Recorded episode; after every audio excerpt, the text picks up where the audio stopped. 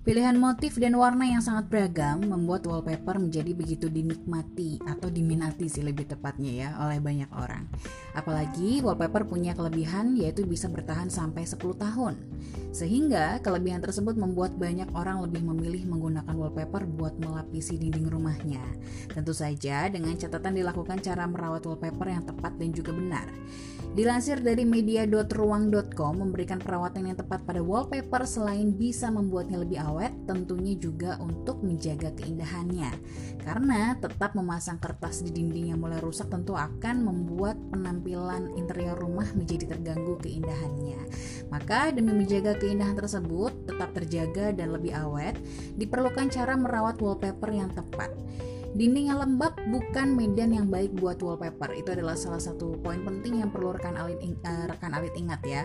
Mengingat kelembapan akan membuat wallpaper cepat rusak dan berjamur. Jadi perhatikan dengan baik kondisi kelembapan pada dinding di rumah. Sehingga kalau dinding di rumah rekan alit memiliki kelembapan yang cukup tinggi, bisa kita akalin uh, dengan memberi lapisan dinding tersebut menggunakan cat khusus yang memiliki efek anti lembab. Selain itu, walaupun mungkin nggak terlihat, tapi jangan salah ya rekan debu tetap bisa menempel pada permukaan wallpaper. Sehingga uh, biar nggak menumpuk nih debunya dan ngasih efek negatif pada rumah, sebaiknya debu-debu tersebut dibersihkan secara rutin. Rekan alit bisa membersihkannya dengan kemoceng, uh, vakum cleaner atau kain lembut agar tidak menggores permukaan wallpaper. Cara merawat wallpaper selanjutnya adalah dengan membersihkan noda. Gak bisa dihindari ya, walaupun sudah berhati-hati, tapi terkadang percikan noda tetap saja ada dan mengenai wallpaper di rumah. Perasan jeruk nipis yang dicampur dengan air hangat bisa dijadikan alternatif untuk membersihkan noda tersebut. Tapi buat membersihkannya, rekan alit perlu mengenali bahan wallpaper yang digunakan.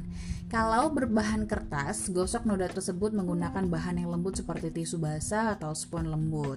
Usahakan untuk tidak menggunakan alat yang apa ya terlalu basah karena kalau cukup sedikit lembab saja ini bisa merusak wallpaper. Setelahnya jangan lupa untuk mengusap kembali area tersebut dengan kain kering atau kanebo sampai mengering ya supaya tidak meninggalkan bekas pada wallpaper. Tips selanjutnya adalah dengan membersihkan noda menggunakan sikat berbulu halus.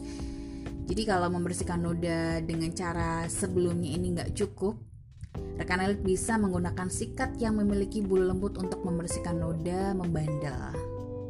Usahakan untuk tetap menggosoknya dengan perlahan agar tidak menyobek wallpaper cantik Anda. Itu dia beberapa tips cara merawat wallpaper di rumah agar wallpaper di rumah Anda lebih awet. Terima kasih sudah menyimak belajar Oma Alit Podcast edisi hari ini. Sampai jumpa di podcast Belajar Oma Halid selanjutnya. Jangan lupa follow dan juga follow fanpage serta Instagram at Oma Halid dan subscribe YouTube channel Oma Halid underscore interior. Save nomor telepon dan WhatsApp kami 085104885333 untuk berkonsultasi dengan tim Oma Halid lebih lanjut.